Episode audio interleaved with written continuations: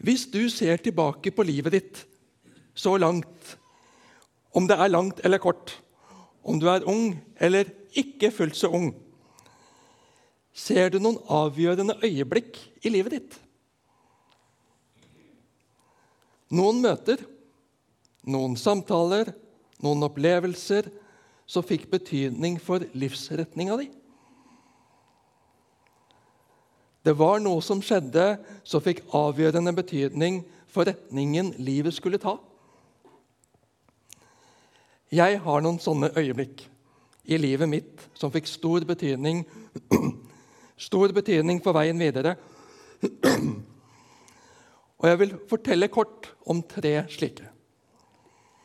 Og når jeg forteller, så kan du kjenne etter om du har noen slike øyeblikk, noen slike vendepunkt, som du vil dele med noen.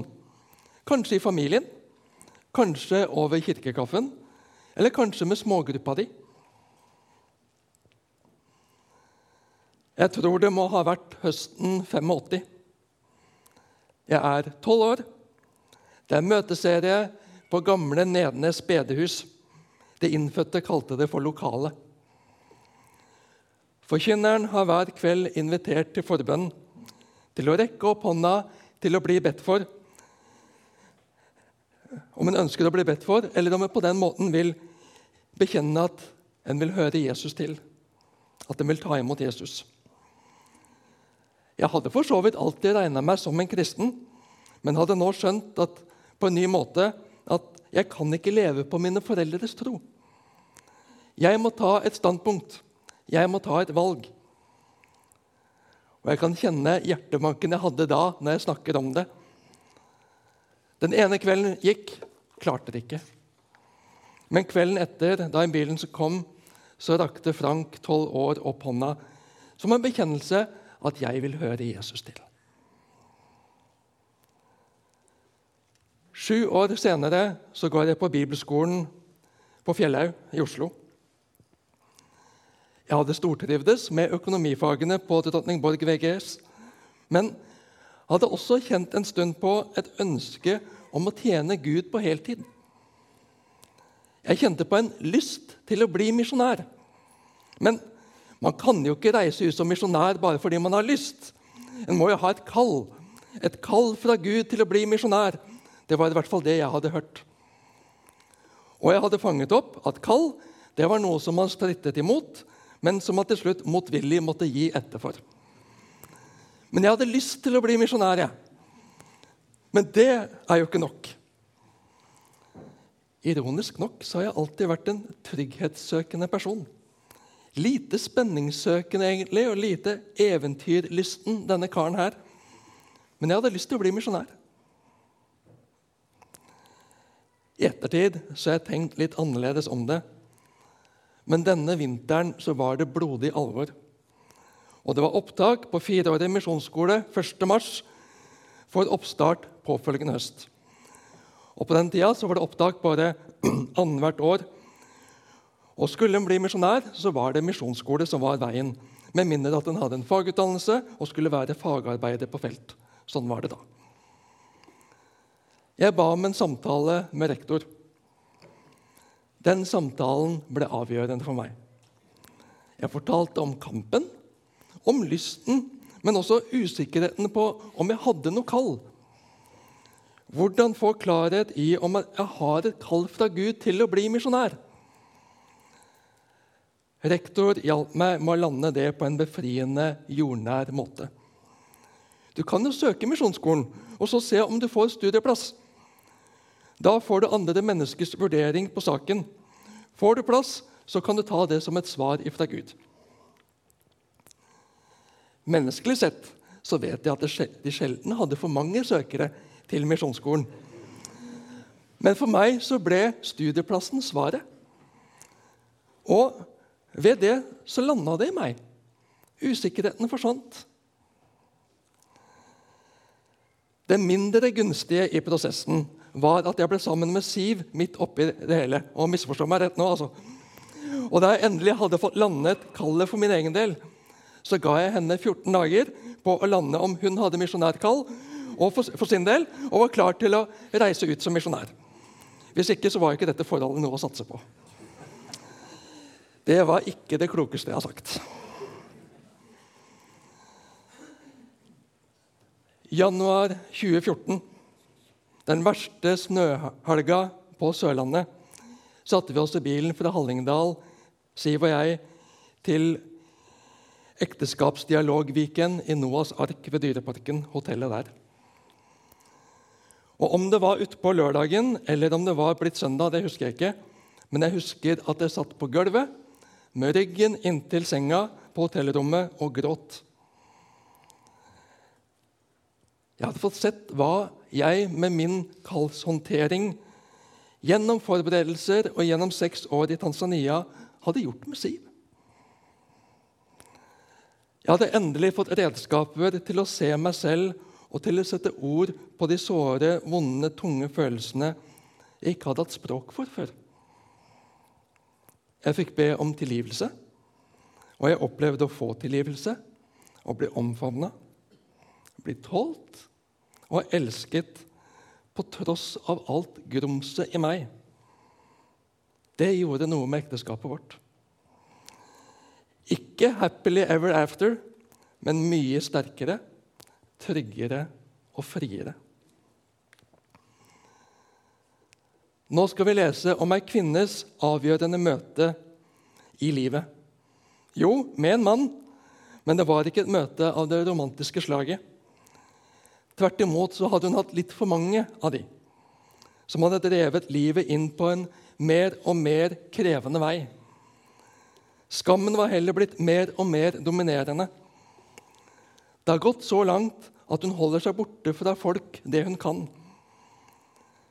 Denne dagen går hun ut til brønnen midt på dagen når sola er på det sterkeste og mest trykkende. Ikke tidlig eller seint på dagen, slik de andre kvinnene har for vane for hun vil unngå dem.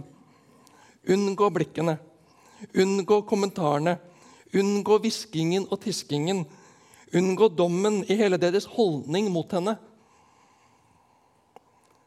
Denne kvinna, som har fem ekteskap bak seg, og som nå er samboer eller er i løst forhold med en mann, undrer seg over denne jøden som hun treffer ved brønnen. Han er tydelig på reise. Selv er hun samaritan. Det er ikke noe godt forhold mellom samaritanere og jøder. De er ikke på talefot. Og kvinner og menn som ikke er i slekt, snakker ikke sammen på tomannshånd. Men denne jøden ber henne om vann. Ganske uhørt, og hun kommenterer det. Men han gir seg ikke. Han begynner å snakke om at han har levende vann, som gjør at en ikke blir tørst igjen. Det høres jo unektelig underlig ut, men han har ikke noen redskaper til å dra opp vann med en gang. Men samtidig så høres det besnærende ut. Slikt vann vil hun gjerne ha, så hun slipper å dra ut hit til brønnen. Slippe heten, slippe frykten for eksponering og fordømmende blikk. Hun ser et håp om å gjemme seg i skammen. Men Jesus, som er denne underlige jøden ved brønnen, vil ikke la henne få gjemme seg i skammen. Han vil sette henne fri. Men for å kunne sette henne fri må han også konfrontere. En blir ikke fri synden og smerten og skammen ved å gjemme den bort. Gjøre den til et ikke-tema, late som ingenting Jesus begynner åpent, enkelt og naturlig. Gå og hent mannen din. Men når hun svarer at hun ikke har mann, gir han henne rett i det. Du har hatt fem menn, og han du nå har, er ikke din mann. Det du sier, er sant. Hun blir lettere sjokkert. Hvordan kan du, vilt fremmede, vite det? Hennes referanseramme tilsier at han må være en profet. Og hun stiller et teologisk spørsmål. Bort fra det private, bort fra det nære. Samtidig så kan hun ikke la være å vise at det er en gnist. Det er et håp. Jeg vet at Messias kommer. På tross av livet som gikk på tverke, så er det en en tro. Det er et håp. Og Jesus sier til henne, 'Det er jeg. Jeg som snakker med deg.' Og Der begynner dagens prekentekst, som vi skal lese sammen, fra Johannes 4, 27-30 og 39-43. Nå skal dere få litt variasjon og stå litt mens vi lytter til Guds ord.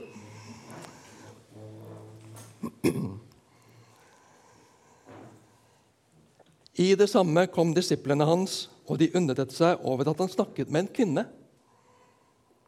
Men ingen av dem spurte hva han ville, eller hvorfor han snakket med henne. Kvinnen lot nå vannkrukken sin stå og gikk inn i byen og sa til folk.: Kom og se en mann som har fortalt meg alt det jeg har gjort. Han skulle vel ikke være Messias? Da dro de ut av byen og kom til ham. Og Så hopper vi til vers 39.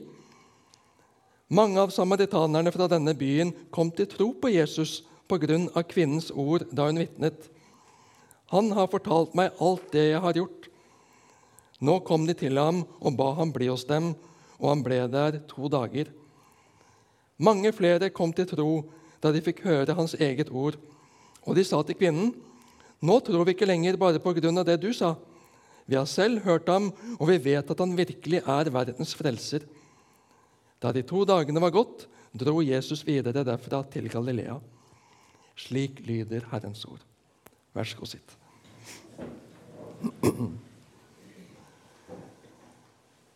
Jesus så kvinnen. Jesus brydde seg om kvinnen. Jesus våget å utfordre kvinnen. For det var bare på den måten at han kunne sette henne fri. Og det fikk enorme, gode ringvirkninger. Hvor er du i livet ditt nå? Baler du med noe som ikke ble slik som du hadde tenkt? Det gikk på tverke. Du rotet deg borti noe som i utgangspunktet så så fint ut og uskyldig og spennende ut.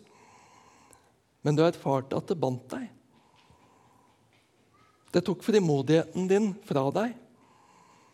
Det gjorde det vanskelig å møte folk. Du fristes mest til å gjemme deg vekk. Du orker ikke folks kommentarer, råd og meninger. Det er ditt liv, det er dine valg. De har ikke noe med det. Men Jesus hadde ikke noe magisk vann til kvinna som gjorde at hun slapp tørsten, slapp ut til folket, slapp eksponeringen og kunne leve i skjul i forholdet som ikke var sunt, rett og godt. Jesus måtte konfrontere. Jesus måtte sette fingeren på smerten, på problemet, på synden. Bare slik kunne hun bli fri. Jesus adresserte synden uten å fordømme henne. Jesus dømte synden, men elsket synderen. Det var først sjokkerende. Hun prøvde kanskje å vri seg unna med noe ufarlig religiøst snakk. Men Jesus stilte henne på valg. Det holder ikke med religiøse tanker og grublerier og diskusjoner. Det er som om Jesus sier du må forholde deg til meg. Ja eller nei, tro eller ikke tro, følge eller forlate. Kvinnas reaksjon er spontan. Og reaksjonen avslører en helomvending i hennes hjerte og sinn. Kjærlighetslivet som har vært hennes altoppslukende liv, men som også har bundet henne i skam, får hun nå bekjent, åpen og ærlig for dem hun tidligere har unngått. Ja, så spontant og radikalt er det at ærene ved brønnen er glemt. Det er uvesentlig nå. Kvinnen lot nå vannkrukken sin stå og gikk inn i byen og sa til folk.: Kom og se en mann som har fortalt meg alt det jeg har gjort. Han skulle vel ikke være Messias? Jeg tror at selv er hun ikke i tvil. Men folk skal få ta stilling selv.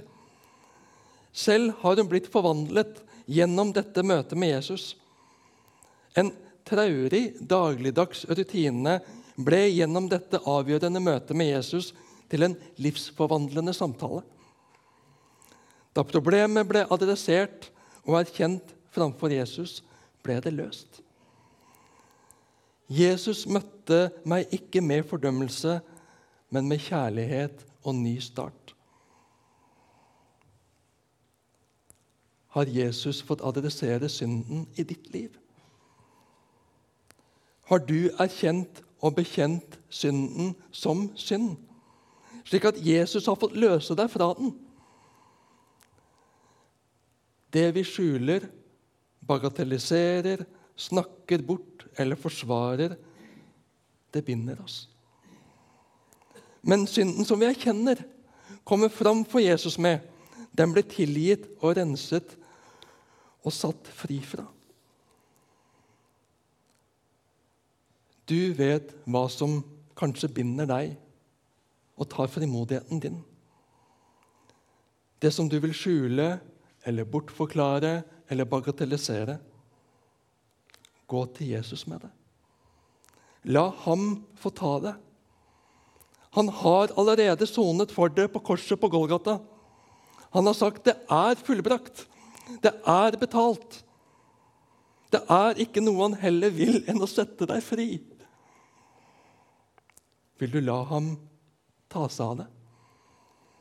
Vil du la ham sette deg fri? Kvinnas vitnesbyrd om hva Jesus hadde gjort for henne, ble en døråpner for mange i hennes lokalsamfunn. At hun nå snakket åpent og ærlig om det som hun før hadde skjult seg for og skammet seg over, som hadde gjort at hun hadde unngått dem, det var ikke noe problem eller skamfullt lenger. For Jesus hadde fridd henne fra det. Det var oppgjort og bekjent. Livet hadde fått et helt nytt lys, en helt ny verdi, en helt ny retning. Og det førte til at andre ble nysgjerrig på Jesus. Andre kom til tro på Jesus, for de så hva som hadde skjedd med denne kvinna. I versene som vi hoppa over, snakket Jesus til sine disipler om hva de ikke så. Disiplene var for oppslukt av mat og trivielle ting. De mente seg å ha kunnskap om ditt og datt, og det hadde de nok. Men Jesus ville gi dem et annet blikk. Dere sier, 'Ennå er det fire måneder til innhøstingen', men jeg sier dere, løft blikket og se på markene, de står alt hvite mot høst. Vi ser så lett folk som ikke er interessert i Jesus. Vi ser folk som er opptatt av helt andre ting. De lever i det Guds ord kaller synd, og er ikke interessert i et annet liv. Du som ikke har møtt Jesus før, du som ikke har opplevd å bli møtt av Jesus, bli sett av ham, elsket av ham, du skal vite at han ønsker å møte deg, ta imot deg og sette deg fri fra synden i ditt liv og gi deg et nytt liv i hans frelse, et nytt liv sammen med ham. Du som har møtt Jesus, som har tatt imot hans tilgivelse for dine synder og har blitt Jesu etterfølger, Jesu disippel, Jesu lærling, løft blikket og se. Markene står alt hvite til høst. Der er mennesker som trenger å bli sett av deg. Mennesker som trenger å høre hva Jesus har gjort i ditt liv. Ved det får de et glimt av Jesus, nysgjerrighet på Jesus, som igjen kan føre dem til et levende møte med Jesus, til frelse, forvandling og nytt liv i etterfølgelse av ham. Jesus fordømmer ikke. Jesus bagatelliserer heller ikke. Han setter fri. Fri til å leve et nytt og oppreist liv uten skam. Amen.